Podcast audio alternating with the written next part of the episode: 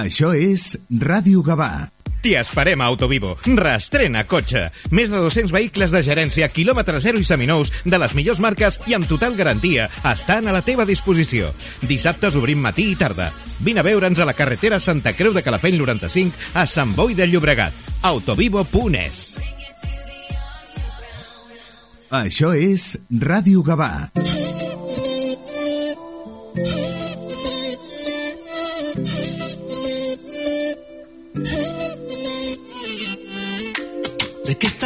Tu corazón? Dime que no está vacío. Que yo tengo el mío lleno de ilusiones contigo. Tic tac, we took it too far. Don't wanna say goodbye. Stop killing our fire. Time is running out. How could you do this to us? We were flying. Si no puedo borrar las estrellas, no me pidas que olvide tu huella. I die every night and every day. Crying my way to the moon.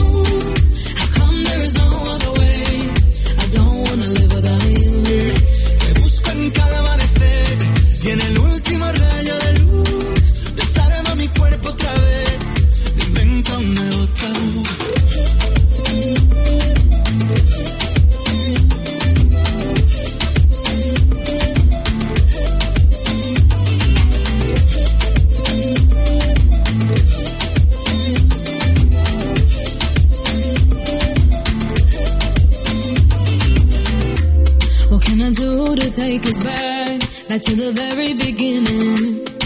When only your eyes could see mine. Remember that? Tic tac, suena el reloj. Llega el adiós, corro, no tengo bengalas. Si no queda amor, dime qué siento entre el pecho y las alas. No, I don't wanna leave it behind us. Cause my love, I can't do this without you. Te busco en cada amanecer y en el último rayo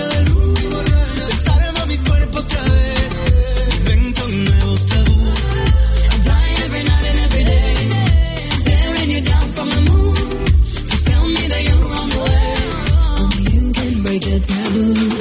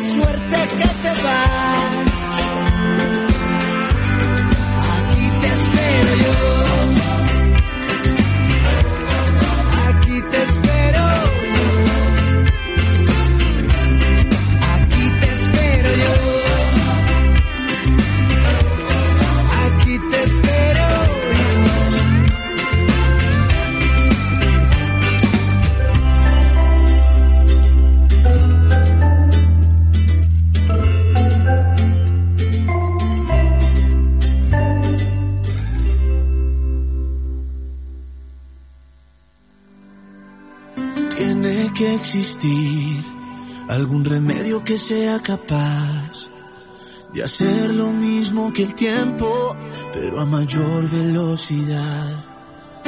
Si alguien lo llega a tener, que me lo entregue y no tenga maldad. Puedo darle todo lo que tengo y mucho más. Porque ahora estoy cada vez más roto, estoy tan lleno de polvo y muero como el río contra el mar, como la luna al despertar. Si tú escribiste este final, tiene que existir la fórmula para olvidarte, un método para no amarte más, aunque quizás no me funcione y tendré que encontrar.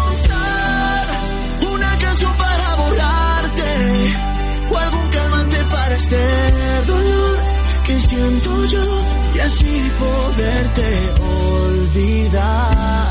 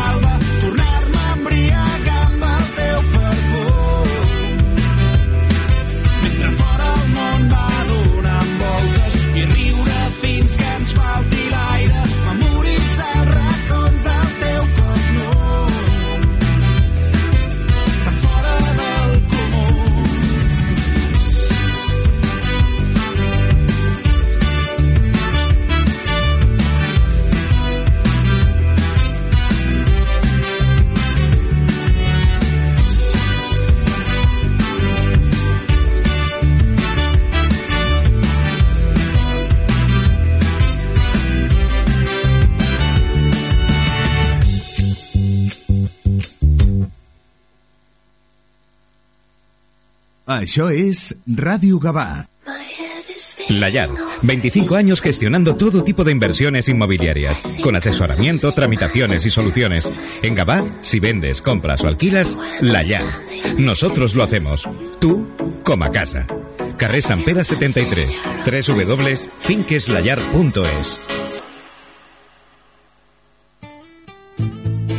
Tot aquest temps he vist la vida des de la finestra del darrere del cotxe He viscut cada moment sense importar la destinació.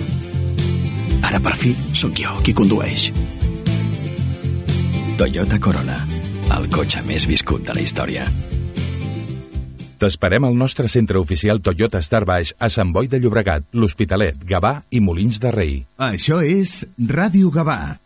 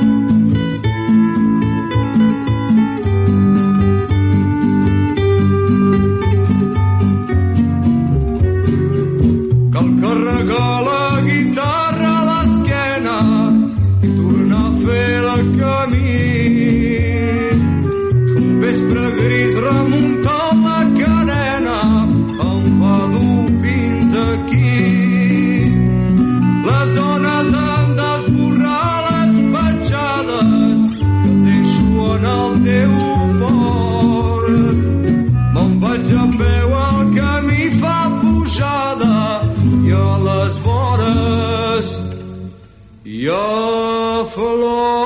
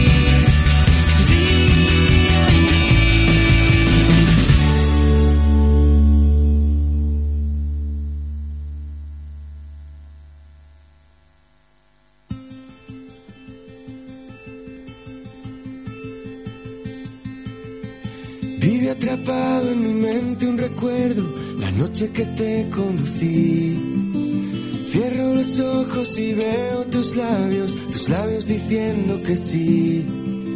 Sin darnos cuenta pasaban las horas y nadie miraba el reloj. Y fue el amanecer el que nos sorprendió, besándonos. Pero el tiempo es un tren que persigue un destino y el nuestro llegó a su estación. Soy un pasajero sangrando su historia en los versos de esta canción. Ya no me importa quién tuvo la culpa, el dolor que yo siento es igual, sin una explicación. Dejaste de respirar el aire de mis sueños y ahora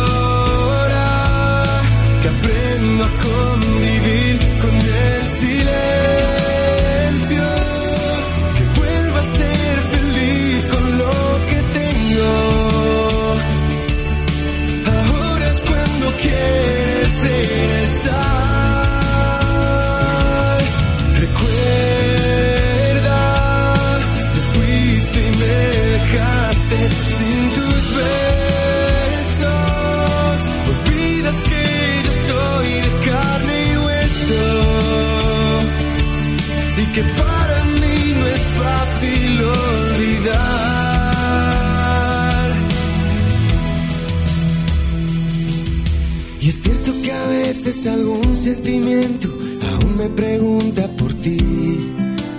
Y cada noche a tu aroma en la almohada le digo que ya te perdí.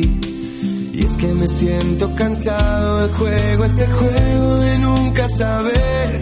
Y dejo tras de mí estrellas de un día más en esta soledad. Y ahora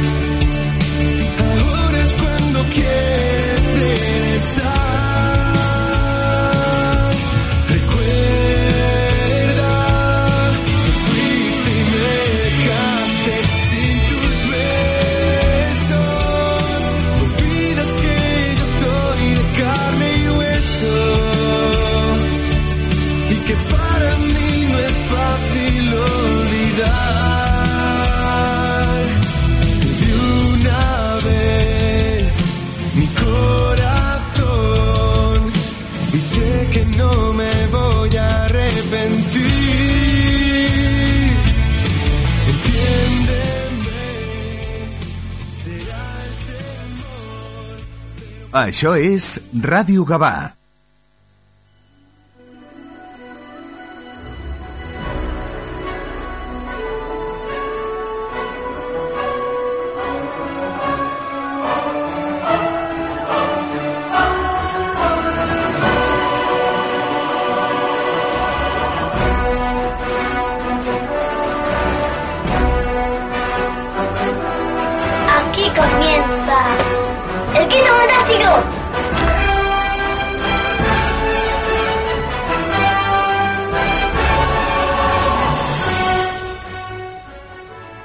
8 de la mañana y 29 minutos. Muy buenos días y bienvenidos a una nueva edición del Quinto Fantástico, episodio 1 de la octava temporada. Sí, ocho temporadas ya aquí en Radio Gabá contándonos aventuras comiqueras. Hemos vuelto después del merecido descanso vacacional y después de haber pasado un año complicado por la pandemia.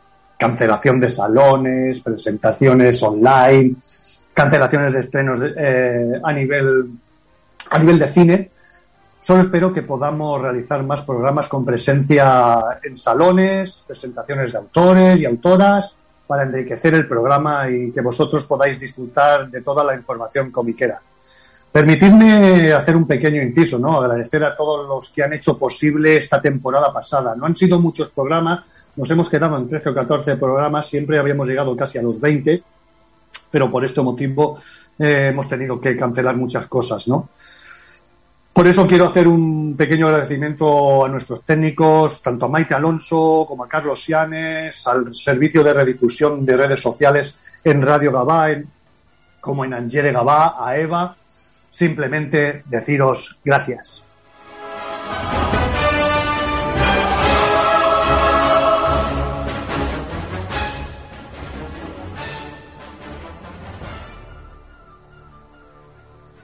Let's do it.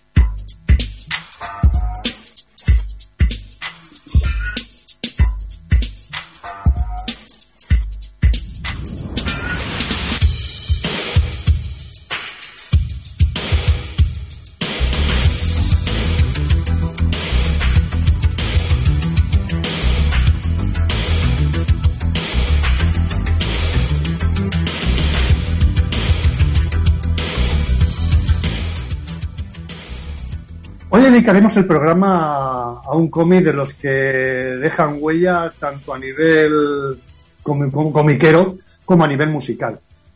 Y no es otro que el pequeño libro de la música soul. Guionizado por Hervé Boris y dibujado por Bruno. Editado, como no, por Norma Editorial. Pero dejar que comience por lo que ha sido el locurón de la semana. Después comentaremos alguna noticia más. Pero permitidme que empiece, que empiece por esto.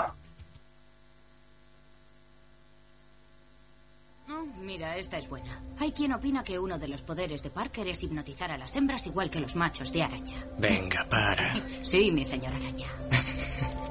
¿Podemos quedarnos aquí todo el día? Ahí abajo es una locura. Así es, amigos. Spider-Man es en realidad Peter Parker. Escuche, yo no maté a Misterio. Fueron los drones. Los drones, que son tuyos. ¿No te sientes aliviado por todo esto? ¿Qué quieres decir? Ahora que todo el mundo lo sabe, ya no tienes que esconderte ni mentir a la gente. Que conste que yo nunca he querido mentirte. Pero ¿cómo le dices a alguien que eres Spider-Man? Ahora todo el mundo lo sabe. Pero ya no es por mí. Esto le va a hacer daño a mucha gente. He estado pensando en cómo arreglar todo esto. Dime, Peter, ¿a qué debo el placer? Siento molestarle, señor. Por favor, hemos salvado a medio universo juntos. Puedes dejar de llamarme señor. Vale, Steven. Se me hace raro, pero lo permitiré. Cuando Misterio reveló mi identidad, toda mi vida se fue al traste. Quería saber si tú podrías hacer que nunca lo hubiera dicho. Strange, no lances ese hechizo. Es muy peligroso. De acuerdo. No lo haré.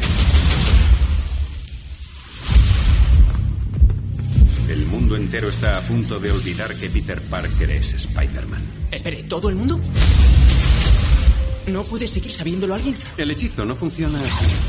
Y MJ va a olvidar todo lo que hemos pasado. Deja de alterar el hechizo. Madre mía, Ned es mi mejor amigo. Y tía May debería saberlo. Deja de hablar.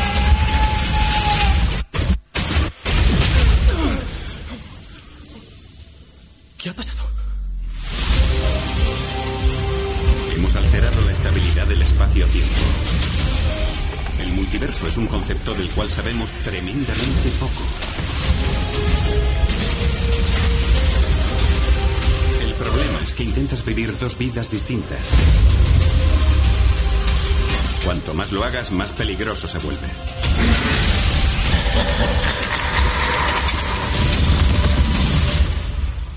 Ten cuidado con lo que deseas, Parker.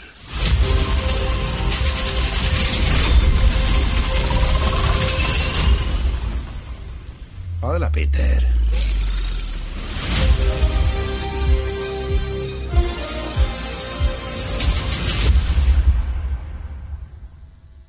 Esto promete, esto promete. Creo que las navidades van a estar calentitas. Un tráiler con muchas cosas. Bueno, ha habido muchas divagaciones, ¿no? Esto, lo otro. Yo me quedo con lo que veo. Eh, fijaros en el inicio, en la pared donde está Mary Jane y Parker, hay un graffiti que pone Disco, en claro homenaje al co-creador de, de Spider-Man. Cuando están huyendo por la ciudad, el panel con la mitad de la cara de Parker y la mitad de la cara de Spidey, una clara referencia comiquera. La que puede ser la entrada de un personaje que lo hemos visto hasta ahora mismo en serie, como es Matt Murdock, ¿no? Daredevil. Cuando Parker está detenido, vemos a alguien, que puede ser él, no lo sabemos, son divagaciones. Los rayos y la montaña de arena nos hacen una posible entrada de Electro y del hombre de arena. Eh, y como no, la presencia del Doctor Extraño, Stephen Kuchenberg, me encanta este actor, que seguro que nos dará paso a los multiversos, con, con una entrada de los dos Spider-Man, eh, tanto el de Tobey Maguire como el de Andrew Garfield. Y como no, la entrada final de un Doctor Octopus con un Alfred Molina rejuvenecido por el CGI. Es simplemente espectacular. Yo no sé si podemos aguantar un poco hasta la llegada de- del 17 de diciembre. No, unos factores, unos enigmas para que, nos, para que sigamos divagando, ¿no? Y yo os recomiendo que la mejor manera de divagar y a la misma vez aceptar es leyendo cómics.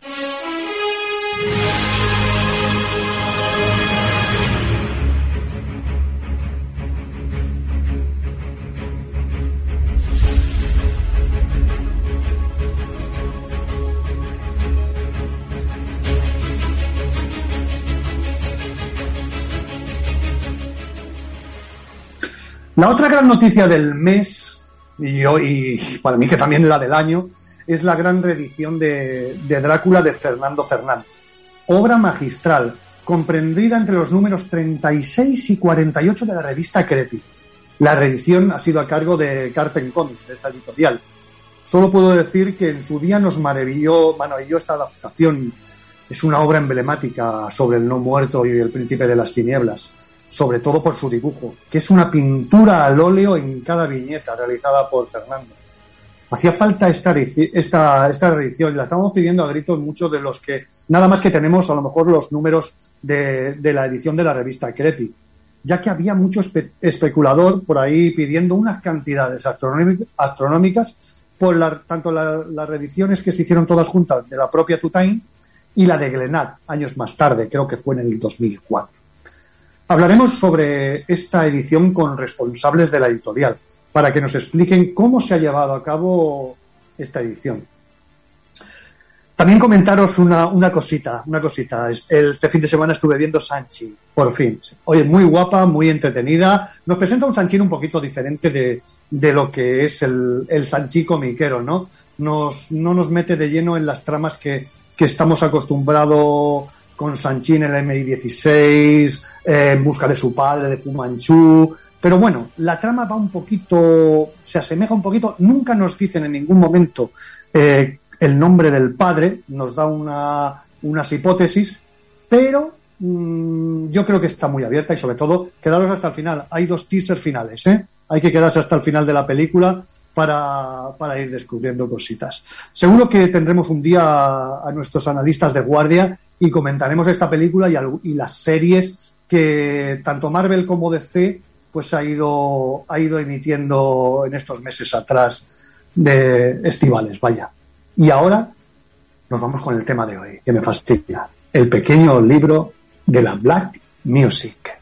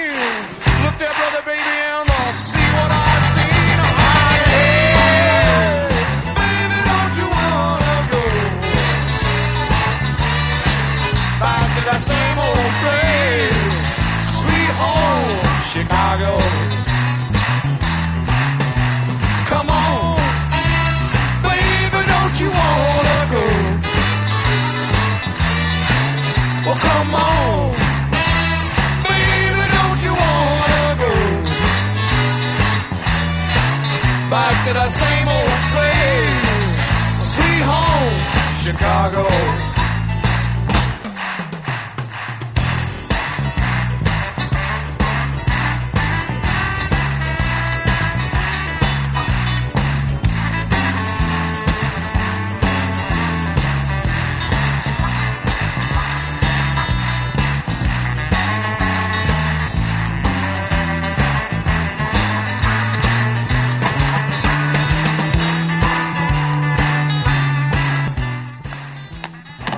Mafia's after You guys now. were hot. You were great, insane. I've got to record you.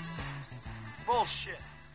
Eh, siempre que siempre que estoy en casa y me pongo con, con un cómic a leerlo, me suelo poner un vinilo o un CD para sumergirme en esa atmósfera que, que sobre todo te da ese cóctel que, que es un cómic, música y, como no, acompañado de un buen café. Hemos comenzado con un gran tema del bluesman Robert Johnson, ori- canción original de él, pero hemos puesto la versión que hicieron magnífica los Blue Brothers para la película Granujas a todo ritmo.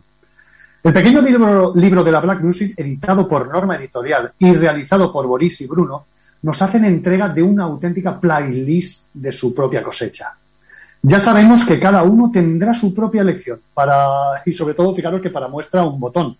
En el programa mítico en el Cocodrilo Club del Albert Maya ha propuesto a sus oyentes hacer una lista de los 10 mejores intérpretes con sus 10 mejores temas. Si lo escucháis el programa en Radio Marca los sábados y los domingos, los estilos de cada oyente son muy son todos muy distintos. Así que para muestra este mismo ejemplo, vaya. Eh, ¿Quién es Hervé Boris? Nace en Francia en el 74. Por los cómics que realiza, yo tengo la, suerte de conocer tres, eh, se denota sobre todo su gran pasión, la música. Ya realizó eh, sobre el rock, el pequeño libro del rock, también realizó un relato sobre los Beatles contándonos una biografía distinta, llena de vivencias y anécdotas. Y como no, este que vamos a analizar, el pequeño libro de la Black Music. Otras obras suyas son Dans le Comic Remix, publicada en Francia por Dutois, donde realiza su particular versión de las historietas de Marvel, que leyó cuando leyó de joven.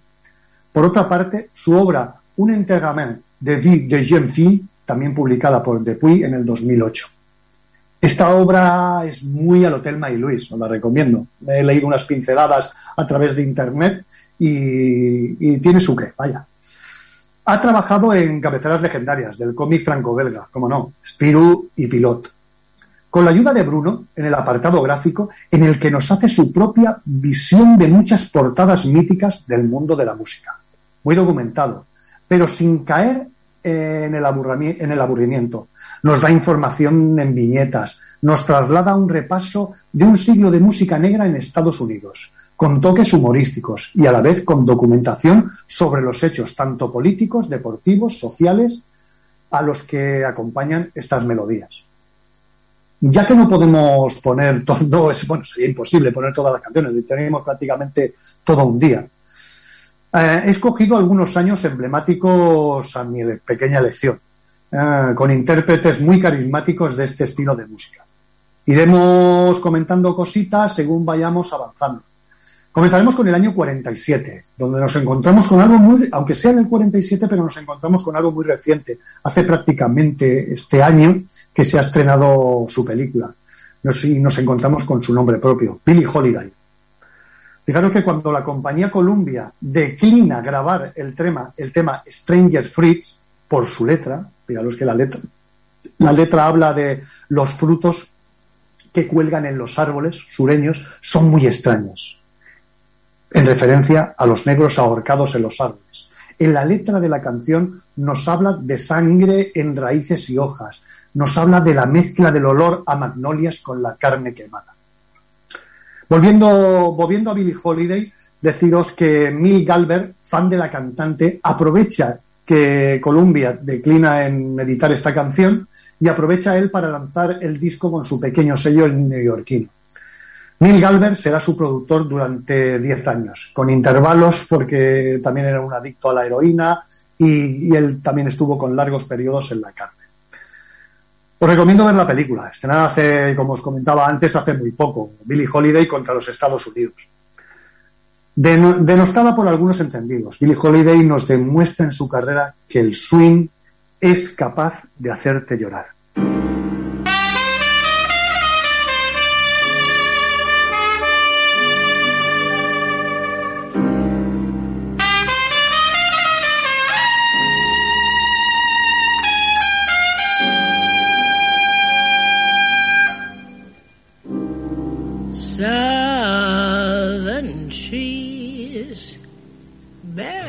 Strange fruit, blood on the leaves and blood at the root. Black bodies swinging in the southern breeze. Strange from the poplar trees.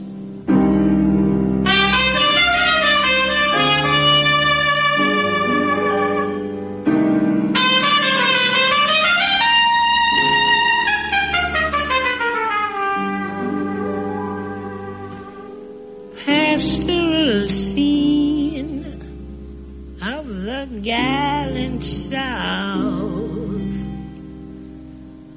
bulging eyes and the twisted mouth, scent of magnolia, sweet and fresh. Then the sudden smell of burning flesh. Here is a fruit for the crows to pluck, for the rain to gather, for the wind to suck for the sun to rise, for tree to drop.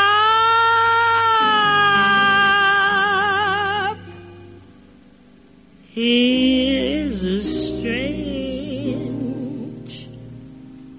and bitter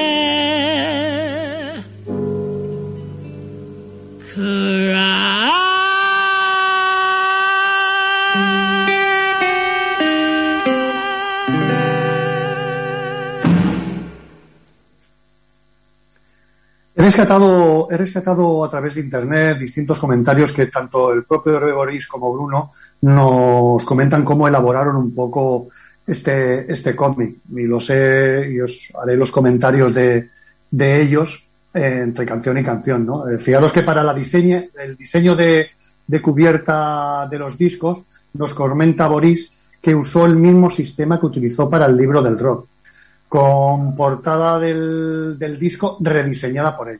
Es decir, canciones y el comentario a continuación. Eh, nos dice que nos no, se propusieron no elegir nunca al mismo ar- artista dos veces para el álbum del año. Hubo muchas discusiones por las opciones hasta la llegada del rap, donde Bruno me dejó hacerlo porque no es lo suyo y a veces es muy difícil decidirse. ¿no? Señalamos en el año 1982 el disco Thriller de Michael Jackson. Fue fundamental, obviamente, para todo el mundo. Fue ese año también cuando se editó el Grandmaster Flash, cuando publicó su tema El Mensaje, primer disco de rap con un texto muy comprometido.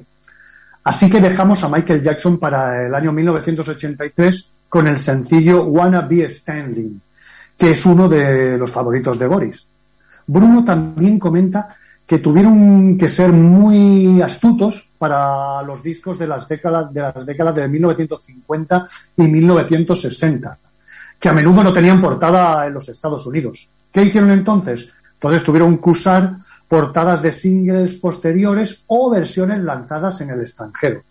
Este trabajo de copia fue muy interesante porque tenían que encontrar cada vez la manera de combinar estas imágenes con, su, con el estilo del dibujo.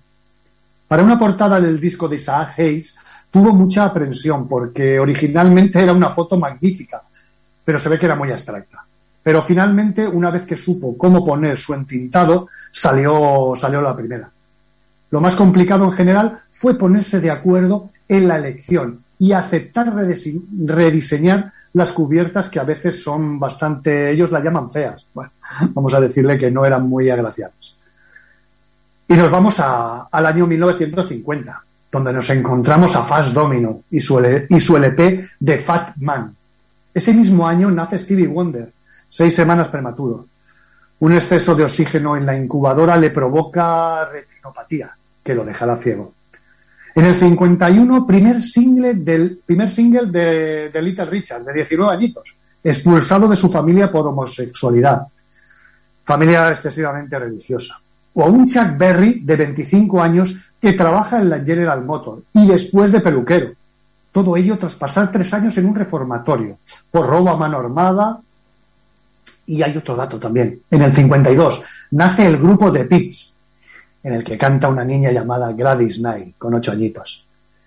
Vamos con el primer tema que pondremos, con este, con este segundo tema que pondremos. Fijaros, Arru, presidente de la Special Record, un productor y ejecutivo conocido por sus grabaciones de rhythm and blues, gospel y rock and roll. No le gusta el tema de Sam Cooke, el Joe Say Me, según ellos, demasiado pagana para un sello disco- discográfico especializado en gospel. Entonces Cook ficha por la discográfica Key Records. La canción compuesta por el hermano de Cook triunfa por todo el país, a pesar de que iba a ser una cara B. El guapo y ambicioso Cook se convierte en una estrella de la canción. Marca un nuevo estilo de la denominación gospel sexy, aunque unos años más tarde eh, la rebautizaron como soul. La muerte de Sam Cooke siempre es una, fue una, auténtica tragedia, ya que una noche de diciembre del 64, Cook contrata los servicios de una prostituta en un club nocturno. Mientras él se ducha, eh, la prostituta se da la fuga con la cartera. Él está desnudo y no puede seguirla, Coge rápidamente un, abrigo, baja histérico a la recepción en busca de la chica y zarandea furiosamente a la recepcionista, preguntándole que dónde ha ido, si es su cómplice. Ella saca un revólver, un revólver y le pega tres tiros en el pecho. En el entierro de, en el entierro de Coop, Rachel canta la canción Angels Keep Watching Over Me. Darling, you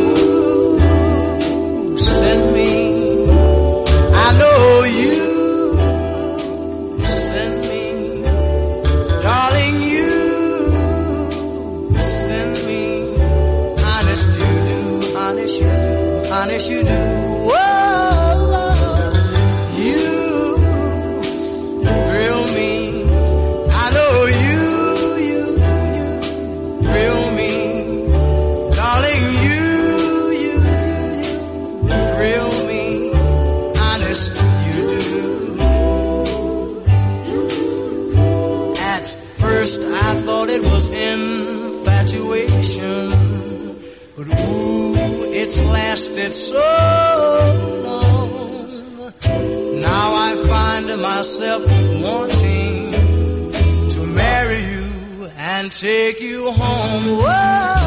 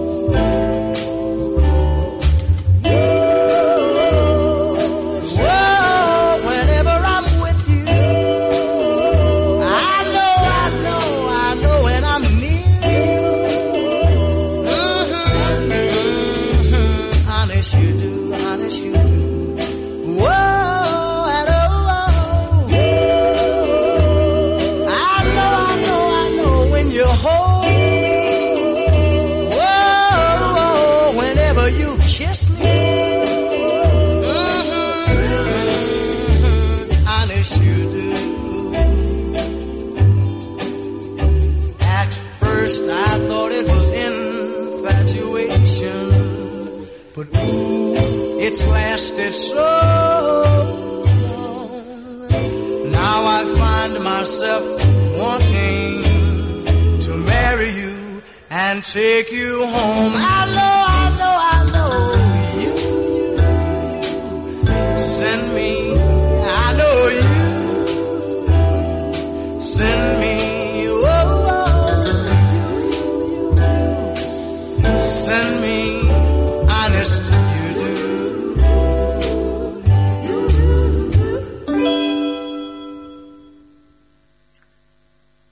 cuentan cómo, cómo diseñar las historietas, ¿no? Cómo meterlas, cómo meterlas en eh, meter eh, las historias, las leyendas, muchas leyendas urbanas, cómo meterlas en el cómic, ¿no? Bruno, fijaros ah, lo que lo que comenta. Acordamos rápidamente que yo diseñaría las tiras cómicas, así que todas las portadas de los álbumes y la portada del libro. Esta distribución del trabajo nos ha permitido avanzar mucho más rápido, cada uno por nuestra, por nuestra cuenta, sin tener que esperarnos. Boris quería que hubiera partes de los cómics clásicos, ¿no? Romper con la monotonía y responder a los que siguen diciendo que se están aburriendo. Se ve que había, habría tenido algunas críticas de que en, en sus anteriores trabajos que se aburrían. Yo creo que no. A mí se me ha hecho un, un cómic bastante ameno eh, de disfrutar y encima si vas combinando con música, pues es genial. Él respondió que sus libros no son cómics. Usó mucho del libro, sus referentes ha sido del libro Sweet Soul Music de Peter Gurasnik, que está lleno de anécdotas a nivel musical. Algunas estrellas como James Brown han tenido vidas increíbles, como después, después comentaremos una relacionada con James Brown con una, con una cantante que, que tocaremos después. Debes recordar que todos estos artistas provienen originalmente de familias de esclavos. Todos nacieron pobres, crecieron en la miseria, tuvieron parientes, eh, sino ellos mismos, que conocieron la cárcel. Esto obviamente es un caldo de cultivo para historias muy loquísimas. Un ejemplo más claro fue la que, la que, la que tuvo el propio la vida de Salomon Burke. Iba a cantar al sur de Estados Unidos y tenía como público al Ku Klux Klan. Además, el público no se da cuenta de que es negro hasta que no comienza a actuar. De cualquier manera, cualquier cosa que tenga que ver con Salomon Burke es una auténtica, locura. A los 24 años ya tenía 10 hijos y trabajaba en un concesionario de coches, gestionaba un negocio de pollos y palomitas.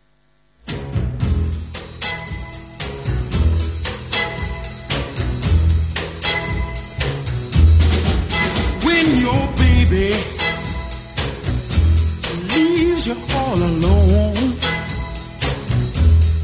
And nobody calls you on the phone. Or don't you feel like a crying don't you feel like crying well here I am uh, honey. Uh, come on. You cry to me. When you're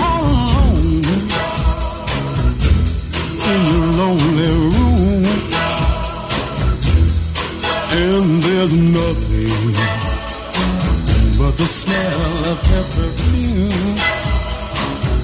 Don't you feel like a crying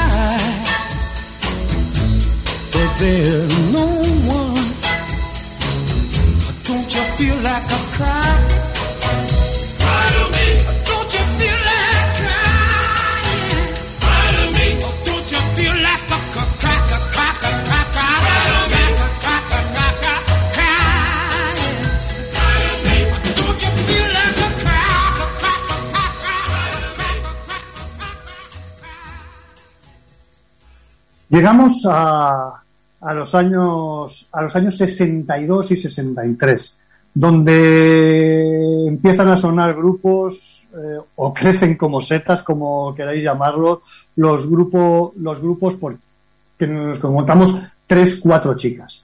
Nos encontramos a The Crystals, de Supreme, Marta de Vandelas, de Ronet, o en, o en solitario como Diane Warwick, Diane Ross, Darlene Love, en fin. Y nos encontramos eh, con un personaje muy peculiar que da ese respaldazo, sobre todo a este, a este, a este grupo, a este, conjunto de, chicas, ¿no? Eh, nos encontramos a Phil Spector.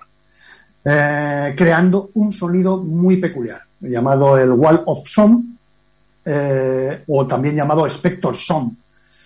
¿Qué es este? ¿De qué, qué, es, qué es lo que compone ¿no? este Spector Song? ¿no?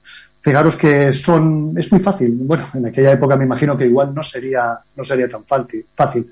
Son una o dos baterías, varios pianos tocando las mismas notas, coristas acompañando a los estribillos, una voz de solista muy exaltada y, como no, todo ello endulzado con un productor megalómano dando órdenes a gritos, a grito pelado, como se solía decir, ¿no? Fijaros que nos encontramos a The Crystal y la canción de Hit Me, prohibida en radios por hacer apología de la violencia doméstica.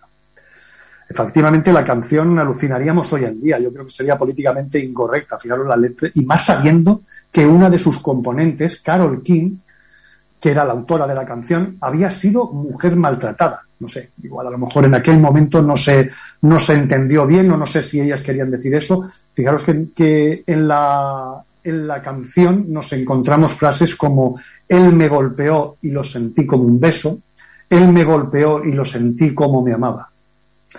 Nos encontramos a Marta Sandevandelas con el tema Dancing in the Street, letra compuesta por Marvin Gaye.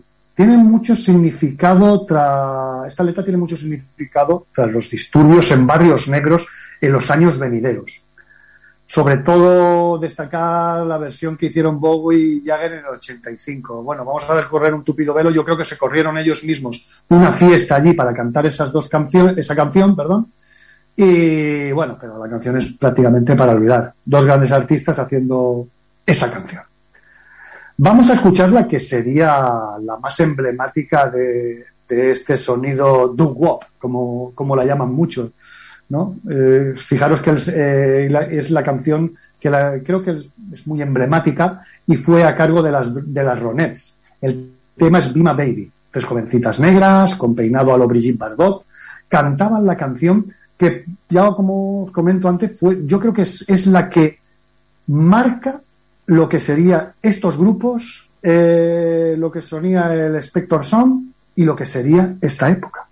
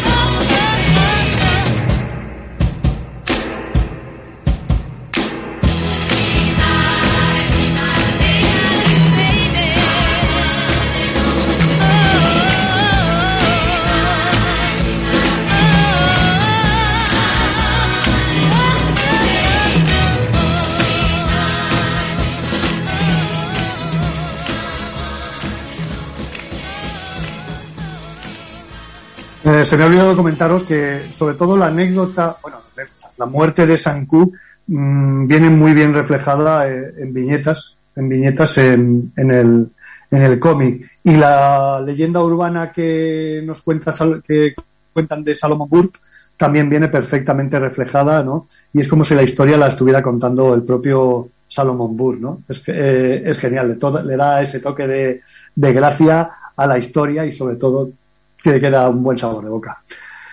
Eh, entramos en los 70, con programas en Estados Unidos como el Soul Train, que arrasa eh, las televisiones americanas, gracias a las actuaciones de los mejores artistas afroamericanos. Don Cornelius es su presentador, con un eslogan muy peculiar, Pace, Love and Soul. Yo os recomiendo que busquéis eh, Soul and Train en YouTube. Eh, vais a flipar, vais a flipar porque es un programa espectacular. Eh, aparte de que están allí cantando los artistas, la gente bailando. Eso es. Eso es una auténtica discoteca. Eso es una auténtica discoteca de fan y disfrutando en todo momento. Yo cuando lo descubrí, lo descubrí antes de, conocer el, el cómic de, de Bruno y demás. Y oye, es genial. Me, me- lo he descargado, me lo he puesto muchas veces escuchándolo porque es una auténtica locura. El lanzamiento también de, la revista para adolescentes negros, Rich On. En realidad, esta revista estaba dedicada a los Jackson Five, que también protagonizaron eh, una serie de dibujos animados de la Hanna Barbera. decir que los Jackson Five estaban prácticamente en, finales de los 60, principios de los 70, estaban en la cresta de la ola. Pero si hubo alguien que con sus temas nos mató, ese fue Marvin Gaye. Considerado todo un playboy, pero con un gran amor, como fue Tammy Terrell. Como os he comentado antes, eh, haríamos referencia a James Brown. La historia de Tammy Terrell es, es de traca, es de traca violada a los 11 años por tres salvajes. Se casó con James Brown, que le dio un maltrato, un maltrato físico. Después casada con un componente de los Temptation, David Ruffin, con el, que, con el que también tuvo malos tratos. Después tuvo la desgracia de, de coger un tumor cerebral y tras varias operaciones falleció a la edad de 25 años. Más de 3.000 personas se agolparon alrededor de la iglesia de Filadelfia en la que se ofreció el funeral. La madre de Terrell vetó la entrada a todos los miembros de la Motown, excepto a uno, a Marvin Gaye, argumentando que no la habían protegido lo suficiente de Rocin, eh, el componente de los Temptation. Como ya os digo, el único que fue fue Marvin Gaye, porque creo que la madre sabía que había algo especial entre ellos dos. Aparte, estaba devastado. Después de la desaparición de su compañera, se metió en una espiral de drogas, depresión, de la que nunca llegó a salir. Con él realizó uno de los mayores éxitos de la canción, el Ain't No Mountain. Al fallecer Tammy, él queda muy afectado con las experiencias que le... Y también hay que añadir que su hermano viene del Vietnam, de la guerra del Vietnam, del Vietnam, perdón. Eh, y le cuenta todas las experiencias allí vividas. Decide grabar un tema muy personal, nada que ver con su época eh, amorosa de Playboy, poco comercial de entrada. Berry Gordy, productor de la legendaria Motown y cuñado a la vez suyo, tienes muchas dudas de, este single, ¿no? Del On. Es un ex, si lo hubiera sabido, es un éxito total. Hasta entonces, encasillado, como os decía antes, de baladas y demás, se gana el título de artistas con letras grandes y marca una época con esta obra maestra.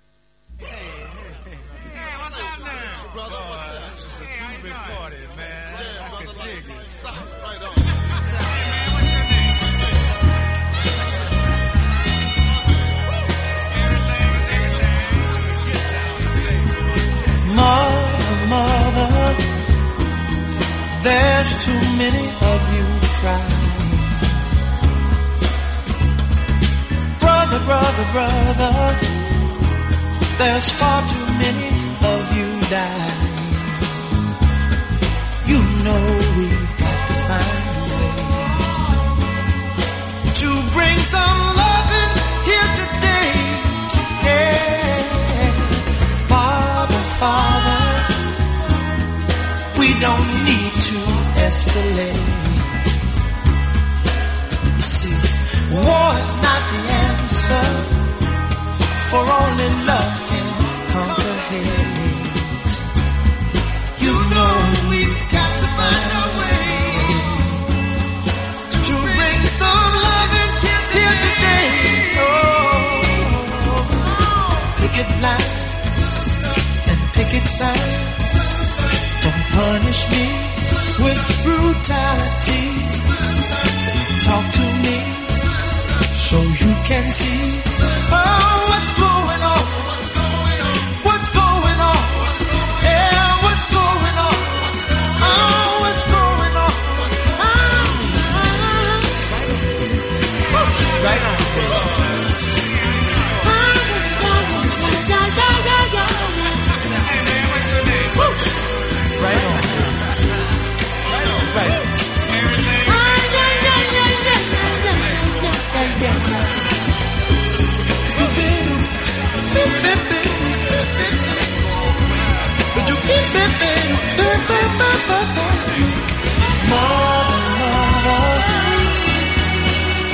Everybody thinks we're at home. Oh, but who are they to judge us? Simply cause our hair is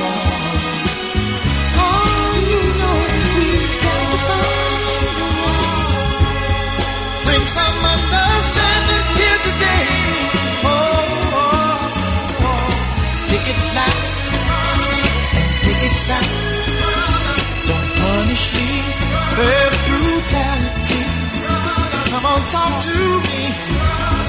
You can't see what's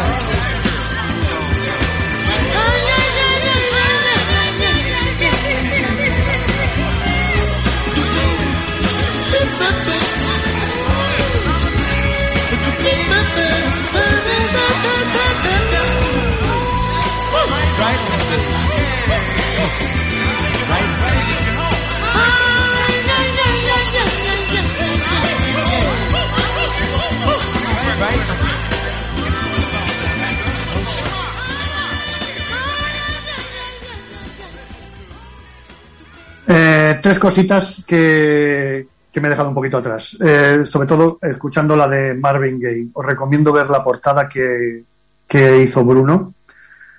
A su propio estilo es una auténtica gozada. Es un, parece un Drácula. Parece un Drácula negro con, con, con la camisa hacia arriba, eh, esos toques entintados. Es realmente espectacular. Comparáis la portada, porque tengo la portada del disco, a ver si puedo después ponerla en Twitter y en Facebook.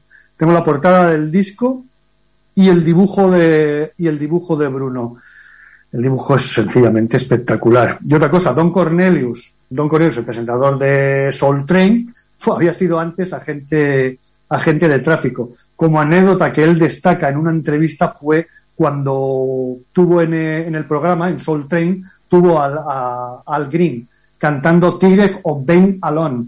Eh, bueno, él se ve que se quedó de pasta de moniato cuando lo ve entrar con un atuendo, mm, bueno, desconcertarte no, lo siguiente, entre, entre chulo, un gorro, camisa de tirantes, pelo, los pelos del pecho por ahí saliendo, con unas botas de media caña hasta la rodilla, camino entre chulo, entre chulo y puta, vaya directamente, por no decir, por decir algo más. Eh, también en el cómic hay un hay guiños a los superhéroes. El guiños a los superhéroes. Ya sabéis que este pueblo es así, es de esto y bueno, nos vemos el guiño a Lucky Cage, ¿no? A alias Powerman.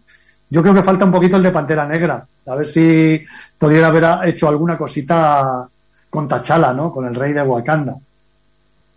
Hay un mundo, eh, hay una, en estos años, en lo- en- sobre todo en los 70, en que hay un fenómeno que, que sale y bueno, que ocupa, que ocupa el mundo entero, que es la Black Exploitation. Eh, la tenemos en pleno apogeo. Los productores inundan las salas de cine con versiones negra absolutamente de todo. Drácula negro, Pólvora negra, Black Samson, El Padrino negro, El Samurái negro, Black Extain. Una versión, esta me gustaría verla, no la he visto. Una versión de Frankenstein en mm, negro, no lo sé el argumento cómo sería ni nada. Sobre todo me una nación. Mm, Fijaros que en el Mundial del 74 yo creo que, me pare- ahora hablo de oídas, pero creo que sería su única participación. Zaire participa en el Mundial 74. Yo creo que hay una, una- un poder emergente a través de su presidente, de Mobutu. Yo creo que la pone en el mapa mundial con este evento de que va al Mundial 74 en Alemania y al pagar 10 millones de dólares para acoger lo que es, yo creo, fue el combate del siglo. Ali Foreman. Yo creo que es poco, no se ha repetido algo parecido hasta la fecha. A mediados de los 70 se producen varios acontecimientos que dan un giro a la black music. La compañía Stax, era una pionera en la black music, se declara en quiebra. Los Jacksons se van de la Motown, creando un cataclismo total. El reggae y la música disco hacen acto de presencia, sustituyendo al soul. También tenemos el, compone- el componente de la mezcla inter- interracial en los grupos. El ejemplo lo tenemos en la banda que vamos a escuchar, en Kissy and the Sunshine Band. Cantante blanco, Kissy, y los demás componentes, la Sunshine, la Sunshine Band, son de raza negra. Grupo de fan, de Florida, responsable de, de este sonido, llamarlo Miami Disco Sound, ¿no? Estilo que te hace bailar aunque no quieras.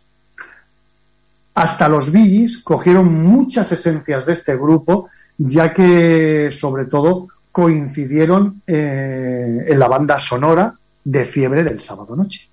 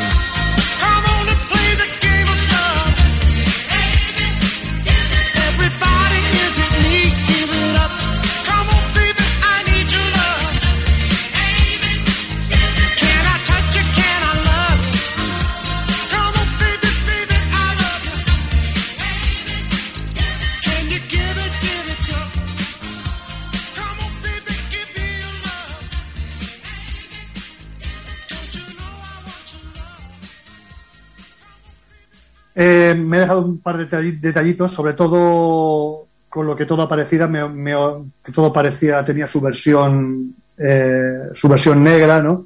Me he olvidado de Superfly, mm, con una banda sonora genial de Curtis Mayfield, con Gordon Parks en la dirección como, y protagonistas como Ron O'Neill y Carl Lee, ¿no? Eh, es una de las películas que hay que ver sí o sí, Superfly. Y también deciros que hay una intro que llamó muchísimo la atención, que es el Papa in the Rolling Stone de los Temptation, que esa es, yo creo que no se ha hecho ninguna intro más, eh, bueno, más duradera, ¿no? Porque dura de 3 minutos 53 segundos, ¿no? Esa intro, ese don, don, don, don, don, don, don, don, es increíble, es increíble, ¿no? El Papa en Was in the Rolling Stone, ¿no? También decir que Stevie Wonder, Berry Gordy empieza, empieza a tener problemas porque hay muchos grupos que empiezan, muchos grupos solistas empiezan a abandonar la Motown. Mientras tanto, Stevie Wonder, en los 70 y algo, 71, 72, con 22 añitos, eh, lleva dos años produciendo sus propios discos, el Superstation. Pero fijaros, es que toca todos los instrumentos, me, perdón, menos los metales. Todo un auténtico lujo, Stevie Wonder. Yo creo que nunca estaremos lo suficientemente agradecidos a toda la música que nos ha traído Stevie. Y nos vamos con, nos vamos a, vamos a, seguimos en los 70, con temas como Le Free Chic. Nos llega un grupo de los míticos, Chic, todo un llenapistas. El grupo capitaneado por Nile Rogers y Bernard Edwards hace honor a su nombre y a su estética. Estética, si los veis, si veis cualquier portada, muy elegantes de la época, muy pantalón acampanado, ellas un vestidos largos, súper bien peinadas, bueno, eh, y sobre todo lo que les hace más eh, populares, su sonido. El sonido es muy trabajado gracias a estos, do- a estos dos genios. ¿no? Su tema más popular se titulaba, eh, que es el Le Free, se titulaba en un principio Fuck Onf, eh, haciendo alusión a la célebre noche que intentan entrar en Estudio 54, ahí en Nueva York. Es la catedral de la música, de la música disco se ve que no les dejaron entrar y hicieron un, y este tema es un poco un poco una crítica hacia, hacia eso. Su tema, God Times, ha quedado algo oculta. Los más jóvenes igual no, ni la conocen. Eh, por la infini- ¿Pero por qué? Por la infinidad de versiones realizadas el, propio Sugar Hill Gang y muchos grupos utilizando ese trabajo de Bernard Edwards en el bajo eh, y plagiada por el, fijaros, pues hasta por los mismísimos, por los mismos Queen, ¿no? En el Another On by the Dutch, ¿no? O el grupo Captain Sensil en la canción What. Yo me quedo con la, yo me quedo con la original. Y os recomiendo, si los más jóvenes nos estáis escuchando, coger el Go Times de Chic y vais a alucinar y vais a ver muchas cosas y vais a ver ese bajo y vais a escuchar esas voces que son espectaculares, ¿no? Como por ejemplo de lo anteriormente dicho, tenemos la gran reina, hablando de, de la música disco y de las grandes catedrales que había, tanto en España como en el mundo entero, ¿no? Bueno, todo el, todo el meollo estaba, todo, todo tenían una auténtica referencia, ¿no? Que era el Estudio 54 de Nueva York. El ejemplo, el ejemplo que tenemos a la gran reina de la música, de la música disco era Donna Summer.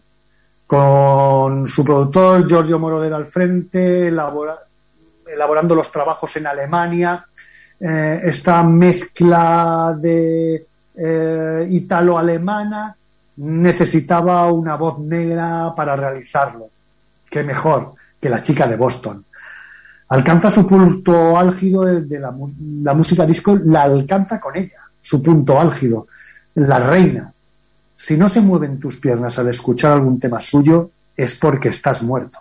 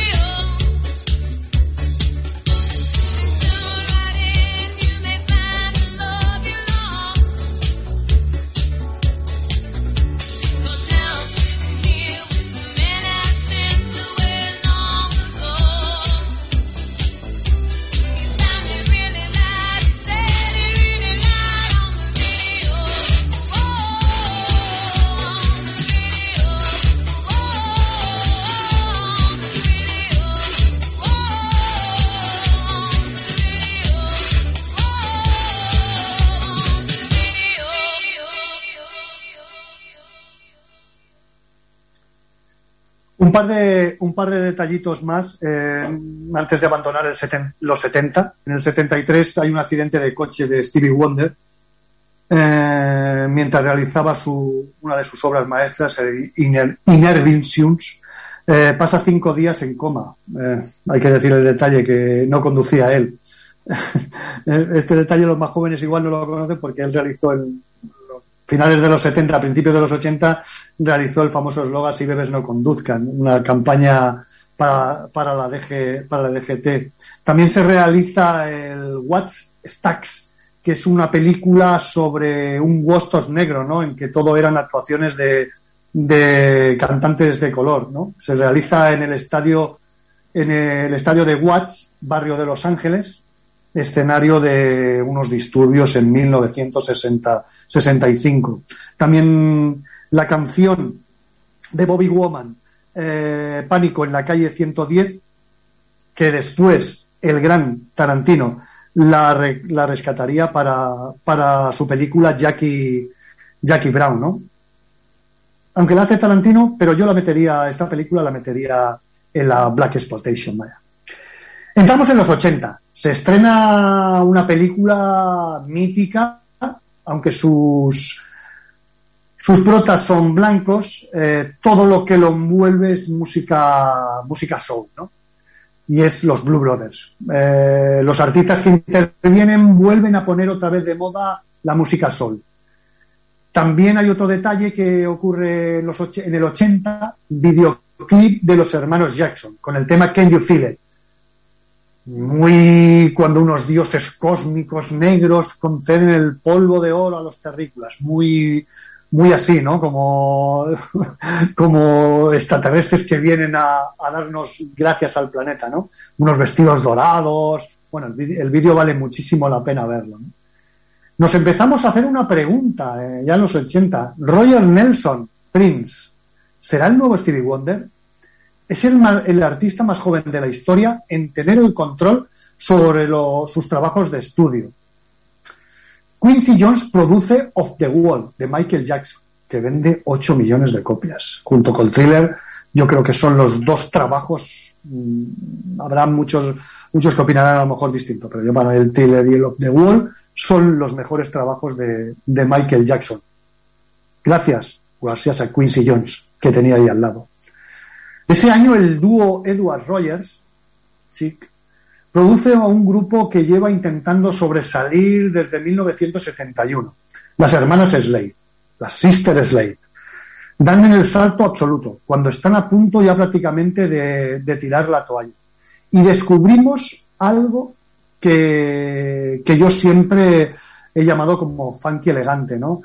Y que realizaba este artista, John Benson, guitarrista de jazz descubierto por Mike Davis.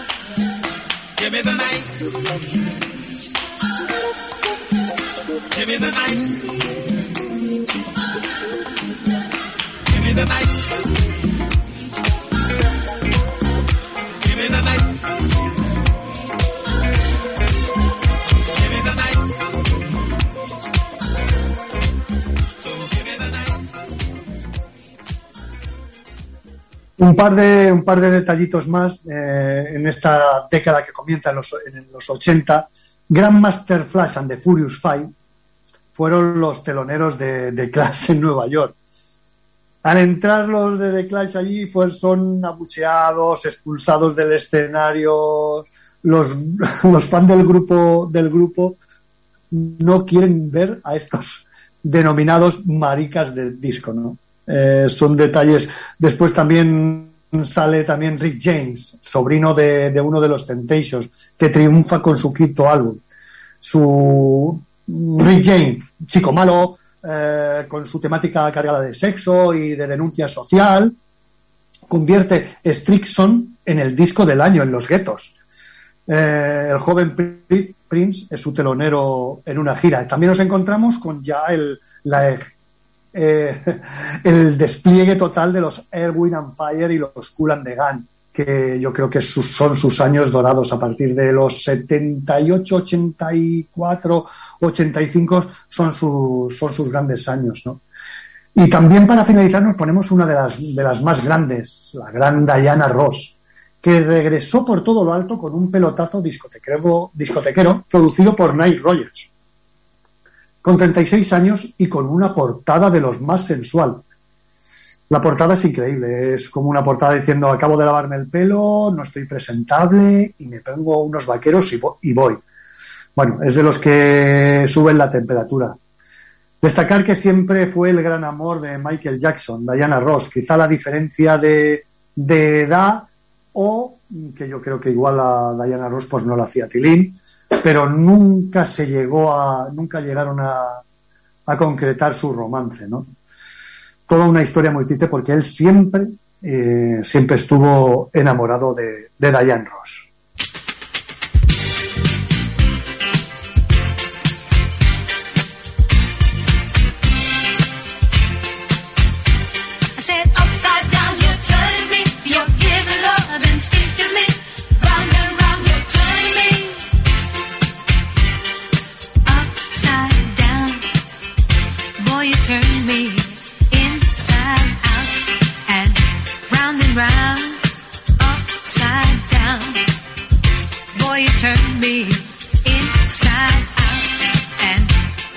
Round and round. Instinctively, you give to me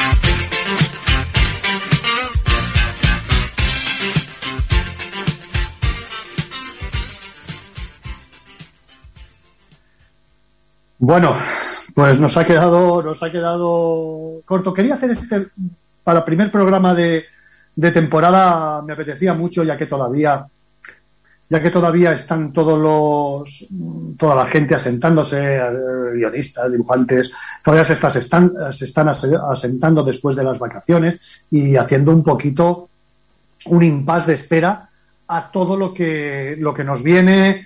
Si, como ahora mismo, ahora mismo estamos a 7 de septiembre, si baja la ola y, y la cosa va a haber, se va a haber más salones, si se va a ampliar entradas, si se va a poder hacer muchas cosas. Por ejemplo, Viñetas en el Atlántico se ha hecho. Eh, hay para la Feria del Libro de Madrid, está preparada ya bastantes están a nivel de libro y a nivel de cómics. Norma creo que pone allí un, o- un stand con, con varios as- artistas en la, en la firma. Destaca Teresa Valero, Jandro, en fin, que van a ir con toda, con toda la artillería pesada a todos estos eventos. Yo creo que las editoriales se van, van a hacer un desembarco bastante importante eh, en todos estos eventos. Mm, No sabemos si muy acotados o cómo serán. Pero bueno, yo creo que la cosa, ya os digo, creo que se va abriendo y entonces creo que se nos va, se va a ir haciendo, se va a ir haciendo más llevadero. También 1 de octubre, presentación del libro en el AFNAC, El Triangla, de Miguel Ángel Parra. Un libro muy interesante sobre las mujeres de Star Trek. Lo tendremos. Le haremos una entrevista, estaremos aquí con él. Un tipo genial y lo conocimos con La vampira de Barcelona y lo conoceremos todavía más con esta historia que por fin ha podido realizarse porque lleva una, llevaba prácticamente un año parada, Ediciones Diablo, lo- la ha hecho y entonces él, pues ya os digo, 1 de octubre, eh, presentación en el, eh, en el AFNAC Triangla. Y bueno, como os decía, me he enrollado un poco, eh, como os decía, me apetecía un poco hacer este, este cómic con, con un poquito de música. Ya se queda para dos, sé que da para dos, para dos programas. Si me apetece un día y vamos bien de, de tiempo y de y esto, pues igual hacemos la segunda parte, porque nos han quedado los 80, los 90 y nos han quedado también porque el libro recoge los 2000, recoge hasta el 2015. Entonces creo que nos quedan muchos temas, nos quedan tres décadas prácticamente ahí para poder hacer otro, pro- otro programa. Os emplazo ya para, para, para octubre. Y como ya os digo, empezaremos a hacer un poquito todo esto y a ver, a ver qué tal, a ver qué tal sale la cosa. Toquemos madera, con la cabeza. Toquemos madera y que, y que la cosa siga bajando y que la vacunación siga siendo, siendo efectiva. Así que, eh, oye, sin más, me despido, me despido de todos vosotros. Queréis leer un cómic por la radio. Este es vuestro programa. Aquí, el Quinto Fantástico, en Radio Baba. El próximo programa, amiguitos, y no olviden super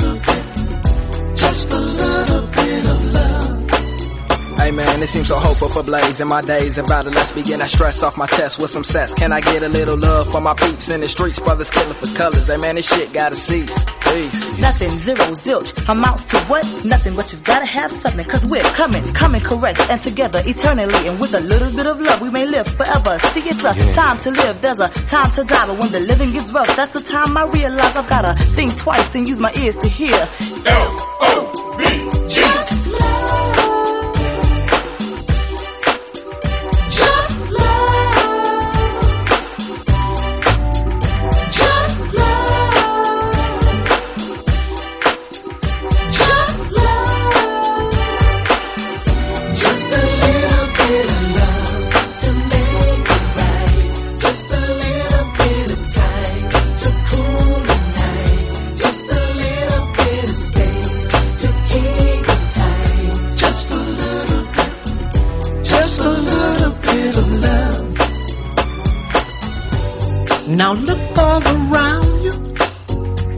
and. People cry, no, no. But nobody seems to care till it's their time. They really don't give a damn. We got to find a way to start loving, to start giving, yeah. But if we procrastinate and we blow it, then everybody go to hell.